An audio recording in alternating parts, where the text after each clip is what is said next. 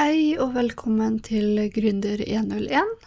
Det her er Monica, og i dag skal jeg snakke videre om hvordan man kan øke veksten i bedriften sin. I forrige episode så snakka jeg en del om eh, organisk eh, søk og kundetilfredsstillelse og markedsføring på Google Ads og Facebook og så videre, og litt om AI. Så i dag så hadde jeg tenkt å snakke litt videre om andre ting man kan gjøre for å skalere bedriften sin. Fordi det er en del man kan eh, gjøre for å En del grep man kan eh, ta for å prøve å skape vekst i bedriften. Noe har dere sikkert gjort allerede, mens andre ting er litt på vent. Og det er sånn det burde være. Man burde ikke satse på alt på én og samme tid.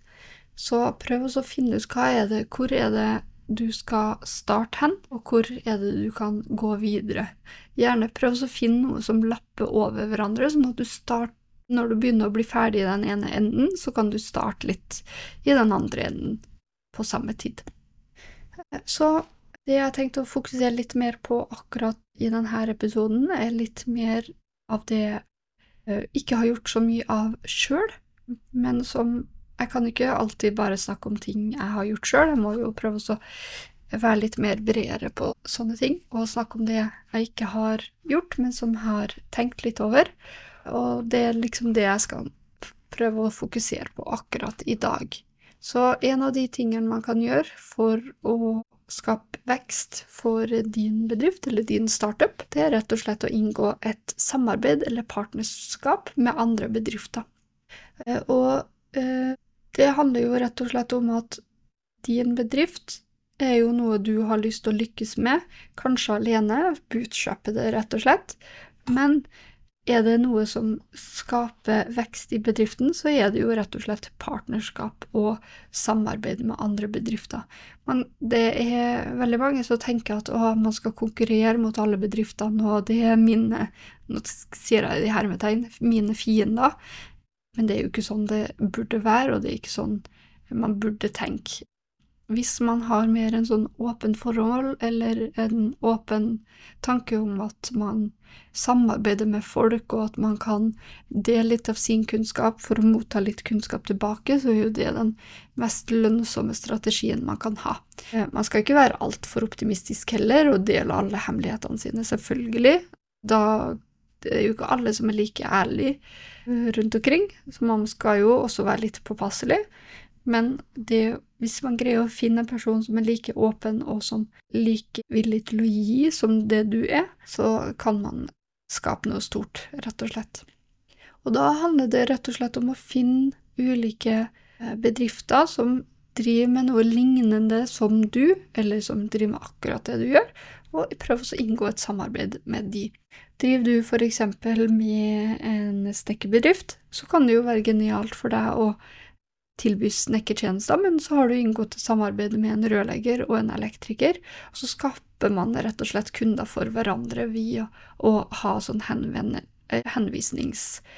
Eh, henvisninger, rett og slett. Eh, så når du driver med snekkertjenester hos en person, så kan jo det være at den personen trenger en rørlegger, og da kan du ta og henvise videre til rørlegger Jacobsen, som du syns er veldig flink, og kanskje får du en liten kutt av det Jacobsen eh, får i inntekt av den kunden. Det trenger ikke alltid å være en kutt, noen ganger så er det jo litt gi og ta. Du henviser rørlegger Jacobsen til en rørlegger rørleggerarbeid, og så plutselig så kommer rørlegger Jacobsen og henviser din bedrift til en annen kunde som gir deg snekkerarbeid, rett og slett. Så eh, sånne samarbeider kan være veldig fruktbare, eh, og det kan også være Si at du selger tannbørster, da. Eh, så har ikke du villet eh, inngått et annet samarbeid med en annen tannbørsteprodusent, men kanskje har du villet inngått et samarbeid med en, en hva heter det, tannkremprodusent. Så prøv å tenke etter hvem er det i din sirkelperiferi er det som kan være lønnsomt å inngå samarbeider med for å gi deg mer kunder og dermed mer vekst. Så må du prøve å finne ut hvilke type kunder du vil ha også inni det her, sånn at det ikke ender opp med å bli mer strev, strevsomt enn det det faktisk har vært. Så det meninga med det her er at det skal være lukrativt for deg, rett og slett. Og så kan det jo være at man kan ha en samarbeid eller partnerskap med andre folk som jobber for deg. At eh, du har lyst til å gi fra deg aksjer i bedriften din, f.eks., til en markedsføringsagent for å få den personen til å sette opp Google Ads eller skrive blogginnlegg eller andre ting eh, i bedriften din. Eh, hvem vet? Eh, men istedenfor å gi dem pengene som du kanskje ikke har, så kan du gi prosenter i selskapet ditt og dele opp i flere aksjer og gi fra deg deler av aksjekapitalen i bedriften for sånn at den personen tjener på det på lang sikt istedenfor. Så det kan også være en lukrativ måte for deg å skaffe litt mer arbeid. Og det kan også være motiverende for den andre personen. Trenger ikke alltid det, men hvis du møter på de som syns det er motiverende, så vil jo gjerne dem at sine aksjer skal gjøre det såpass bra, og så gjør de rett og slett en ekstra innsats i bedriften din fordi at de har lyst til å tjene på det, det arbeidet Eh, eller på de aksjene i senere tid. Men som sagt, da må det være en gjensidig avtale. Og så går det an også, og jeg har inngått noen arbeider hvor jeg får Si at jeg får 600 kroner i timen, men deler av de pengene f.eks. settes av til å investere penger i selskapet når de skal drive med en emisjon, f.eks. Og da blir det valgfritt for meg om jeg har lyst til å kjøpe aksjer i selskapet, eller om jeg har lyst til å ta ut pengene på egen hånd, men da blir det på en måte satt av en pott som jeg ikke får utbetalt akkurat nå, men som jeg kan velge å ta, få utbetalt senere, f.eks. Eh, så man har mange forskjellige måter man kan inngå de partnerskapene og samarbeidene med, eh, men det må man nesten finne ut av i bedriften sin.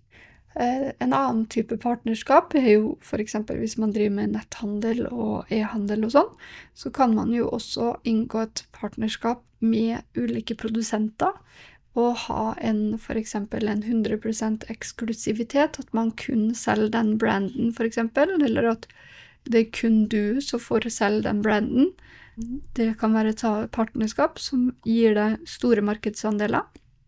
Og så eh, vil jeg jo også si at dropshipping er en form for partnerskap, hvor det er en gjensidig trust Hva heter det?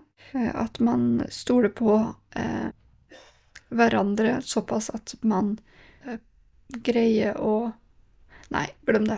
Jeg dropper det. Dropshipping er jo også en eller annen form for partnerskap, vil jeg si, hvor man på en måte inngår en avtale med en produsent om å skaffe den produsenten kunder, eh, men man som, som bedrift, da, så kjøper man ikke produktene til produsenten, men man rett og slett via sin plattform greier å skaffe den produsenten flere kunder.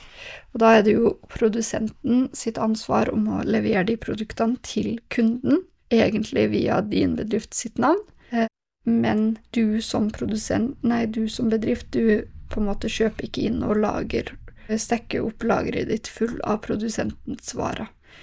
Og det kan også være en lukrativ måte å skaffe vekst, fordi man reduserer en del av kostnadene man kunne ha hatt med lagerføring og med ansatte på lageret som skal pakke og skippe det her. Så det kan også være en form for partnerskap eller samarbeid som kan gi deg en del vekst. Investering og finansiering kan jo også gi deg vekst, altså det å få finansiering fra fylket eller fra kommunen eller fra Folkeinvest eller fra Hva heter de, da? Eh, Innovasjon Norge, selvfølgelig. Eller Angel Investors, hva heter det på engleinvestorer? De kan jo gi deg lån eller funding som kan være fordelaktig for deg, for da kan du få en del penger akkurat her og nå til å satse videre på bedriften og skalere bedriften. Og veldig mange egentlig investorer er interessert i å investere i ulike bedrifter, fordi de ser at på lengre sikt at de kan få en del penger tilbake av de bedriftene. Og så da må man jo nesten bare prøve å finne ut av eh, hvilke investorer man har lyst til å ha eh, i sin bedrift. Ofte vil jo de ha en plass i styret, f.eks., eller at de skal ha en del av utbyttet og sånn, men man, det må man nesten prøve å finne ut av underveis når man skal hente ut de her pengene. Men ved å få en del penger på den måten, så er det mulig å sette i gang prosesser som man kanskje ikke kunne ha gjort før om lengre sikt. Eh, si at eh, du kun har 10 000 inntekt generert hver eneste måned, men hvis du kunne ha lånt 200 000 og fått automatisert en del av prosessene, eller satt i gang større, en større kampanje eller noe sånt som kunne ha generert deg 40 000 i måneden, så kunne jo det ha vært mye bedre enn at du skulle ha brukt to til tre år på å faktisk havne på samme sted, rett og slett. Da kunne du ha skalert bedriften din mye fortere. Mm, og da er det jo egentlig bare rett og slett å prøve å finne ut først I denne rekkefølgen her jeg ville i så fall gjort det. Jeg ville først og fremst ha sett litt på eh, fylket ditt, hva for slags lån eller stipend eller hva det er eh, de har lyst til å tilby. For veldig mange fylker har lyst til å satse på ulike, nye bedrifter, f.eks., så det kan være en lur idé. Så har jeg villet rett og slett starta med å prøve å finne noen ulike investorer som kunne ha vært interessert i å ta og eh, satse i bedriften. Og eller starta med å søke etter ulike crowdfunding-måter å gjøre det. Man har jo Kickstarter, eksempel, har jo veldig mange samla inn penger på, spesielt i utlandet. Men man kan jo f.eks. bruke folkeinvest.no til også å få folk til å crowdfunde for det. Nå vet jeg jo også at Folkeinvest sikkert vil ha litt av selskapet i tillegg. De har jo tjent penger på tjenesten. Eh, og så handler det jo rett og slett om at man kan også skaffe seg lån i banken eller hos eh, ja, hos Innovasjon Norge. Sorry, nå glemmer jeg hele tida det navnet. Eh, Innovasjon Norge gir også lån til ulike folk for å betale tilbake. Nei, men som man selvfølgelig da må betale tilbake etterpå. De gir i noen ganger, så gir de også litt penger, tror jeg, til å starte bedriften. Hvis du har en veldig innovativ selskap, så kan du få litt penger for å sjekke ut markedet, og om det her er en nyttig ting å starte med. Eh, så jeg ville sjekka eh, det i den rekkefølgen. Eh, ja, og så det siste jeg egentlig har lyst til å fokusere på, det er jo rett og slett teamet til startupen.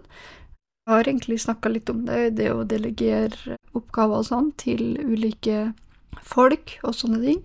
Men det å ha et team som føler et eierskap til bedriften, kan også komme ganske langt, fordi de har en indre driv i å få selskapet videre. Så det å ha et sterkt team, det kan også oppnå vekst, og da handler det rett og slett om å prøve å skaffe noen som har erfaring på området. Det kan også være veldig lurt.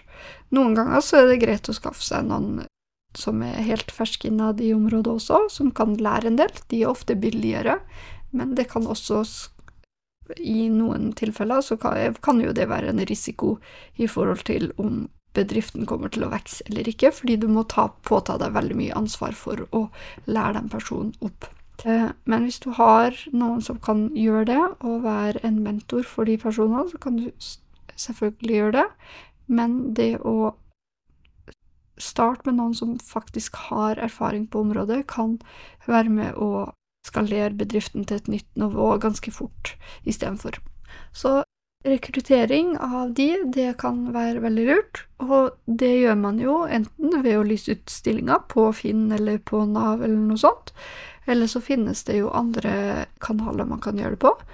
Eh, LinkedIn er jo en veldig genial måte å finne seg ansatte, eller rekruttere ansatte. Veldig mange bedrifter som gjør det allerede.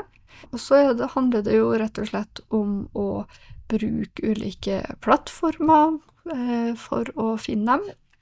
Mm. Jeg prøver å finne det her. Det finnes de ulike nettsider for å finne seg en mm. Man har jo speed Speedfriending bruker jo å hoste en del arrangementer rundt omkring eh, for å prøve å se om du kan finne deg noen samarbeidspartnere, eksempel.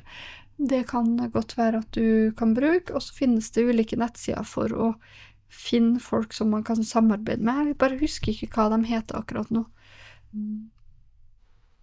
Og så finnes det jo sånne inkubatorprogrammer og sånn som man kan også skaffe seg partnere på.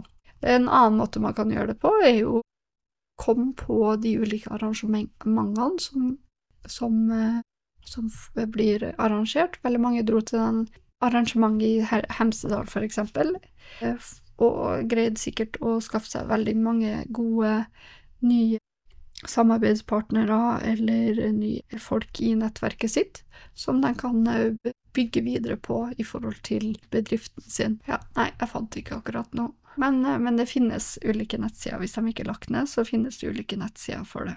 Så ser jeg også at det finnes eksempel Nå tok jeg opp en eh, nettside for Kode24 som ser etter nye dyktige utviklere, eksempel, så det går an å lyse ut stillingene sine på ulike plasser for å finne dem. En siste ting, da, som man kan gjøre, som er kanskje litt mer lugubert, er jo egentlig å hijacke eh, ulike folk fra andre bedrifter. Man kan prøve å rekruttere folk som har en eksisterende jobb, som har en lignende jobb, til, kom, til å komme og jobbe for deg istedenfor. Da må du jo lokke til med litt mer lønn, men det kan faktisk være en god måte å skaffe seg flere, flere eh, eh ansatte som er på en måte dyktig i jobben sin. Nå er det jo også en periode nå hvor en del får, blir permittert eller sagt opp, og det også kan være en lukrativ måte å skaffe seg nye ansatte på, ved å prøve å kapre de folkene som holder på å se etter en jobb, eller som, eh, som kanskje er permittert, eller som har lyst til å prøve å finne en annen, eh, sikre seg en god fremtid, rett og slett. Så det kan man også gjøre. Så det å være, være, alltid på utkikk, se litt på LinkedIn, se etter ulike folk som kan jobbe for deg, det kan også være en god måte å skaffe deg folk på, rett og slett. Eh, det å se konstant etter eh, nye folk på LinkedIn og sånn, kan være en måte å øke bedriften og skape vekst i bedriften, fordi du er på konstant utkikk etter gode folk som er gode på sitt område, og som kan være med å gjøre akkurat det området i din bedrift til enda bedre, til å bli enda bedre. Og så finnes det jo også de som outsourcer, sant. Man kan også bruke f.eks. tjenester som Upwork og eh, andre tjenester, eller andre plattformer, til å hyre andre folk i andre land til å eh, ta seg av deler av bedriften også. Det er også mulig.